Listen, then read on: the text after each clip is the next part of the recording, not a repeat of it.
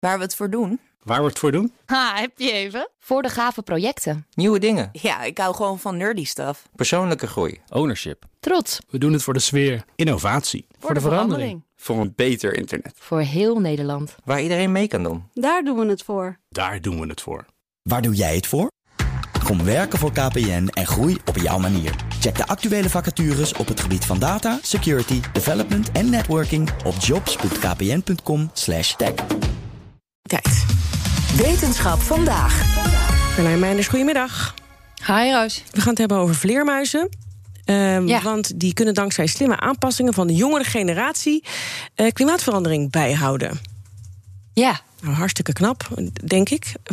Van, eh, maar waarom zijn ze hier naar gaan kijken? Waarom is het interessant? Nou door het snel eh, veranderende klimaat eh, hebben veel dieren het natuurlijk moeilijk. Maar er zijn ook dieren die zich langzaam een beetje beginnen aan te passen.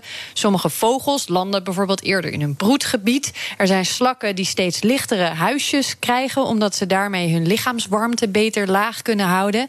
En de dieren die dit het makkelijkst kunnen, dat aanpassen, dat zijn de dieren die heel mobiel zijn, die zich makkelijk verplaatsen en die dus ook makkelijk een ander gebied kunnen uitzoeken. En de vleermuis valt daaronder? Ja, er is eh, veel onderzoek gedaan naar die migratieverschuivingen bij vogels, niet bij zoogdieren. Nu heeft een internationaal team van wetenschappers geleid door het Leibniz Instituut voor Zoo and Wildlife Res- Research groot onderzoek gedaan naar het migratiegedrag van de rosse vleermuis. Dat is een van Oh. de grootste Europese soorten. Nooit geweten, maar is die ook rood? Is die echt rossig? Ja, hij heeft inderdaad een mooi rood eh, vachtje. Nou hebben ze hele goede data in dit onderzoek eh, gebruikt. Alleen de reden waarom ze die data hadden was eigenlijk helemaal niet zo mooi. Die komen namelijk van een rehabilitatiecentrum voor vleermuizen in Kharkiv, Noord-Oekraïne. Waar heel veel van deze diertjes in de loop der tijd hebben besloten om in flats te overwinteren, vertelt onderzoeker Christian Voigt. These nocturnal bats, they hibernate in the, in the window frames, basically. And private people who would like to restore or renovate their building, they do it in winter times because the prices for new windows are low in winter because no one is doing it because it's cold. So frequently they, they run into bats that um, hide in the crevices of these windows. And they then go to this um, Feldman Park to deposit the bats, alive or dead. Oh ja, dus ze hadden gewoon een grote voorraad dode vleermuizen. Helaas vaak dood, inderdaad, omdat ze tijdens hun winterslaap dan uit zo'n raam werden geplukt. En die verandering kunnen ze niet aan. Maar goed, ze zijn allemaal bewaard gebleven. En dat gaf ze tien jaar aan data van 3400 vleermuizen. Ze keken onder andere naar stofjes in hun vacht. En dat zei iets over waar ze wat hadden gegeten. En dankzij die informatie konden ze zien dat er dus iets veranderde in het migratiepatroon. De dieren trekken verder naar het noorden om te overwinteren. Waarbij de stad eigenlijk een soort tussenstop is. En wat ze ook zagen was dat één groep hierbij de kar trok. They observed that during the very initial phase, most of the animals were juveniles, and most of the juveniles were males. Oh, vooral de jonge mannetjes trokken weg?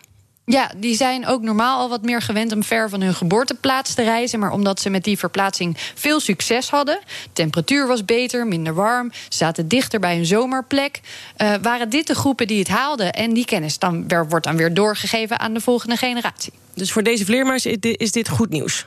Ja, deze soort heeft een aardige kans om zich dus aan te kunnen passen. Maar andersom, dieren die er lang over doen om zich voor te planten, die zich niet makkelijk verplaatsen en die een langer leven leiden, want bij de, deze vleermuis is dat allemaal precies andersom, die zullen het een stuk moeilijker hebben. En als we goed in kaart brengen welke dieren tot die groep behoren, dan weten we ook welke we extra in de gaten moeten gaan houden. Panda's bijvoorbeeld, als je het hebt over moeilijk voortplanten, toch? Bijvoorbeeld. Ja, bijvoorbeeld. Ja. Kan ik me zo voorstellen. Ehm, wat ik me wel afvraag is, hoe erg is het als we een paar vleermuissoorten minder zouden hebben? Mag ik dat vragen? Nou, ja, erger dan je waarschijnlijk zou denken. Yes, we can live without certain species. That's for sure. We- I mean, obviously, because species already got extinct and we are still here. However, we lose the functional role of these species.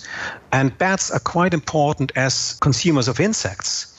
And we do lots of work on metabarcoding, where we study what the bats have fed on. And we find that particularly common nocturnal bats, foraging in the so called open space, above farmland, for example, or above forest, they consume large, huge amounts of pest insects. Oké, prima. We hebben ze dus nodig.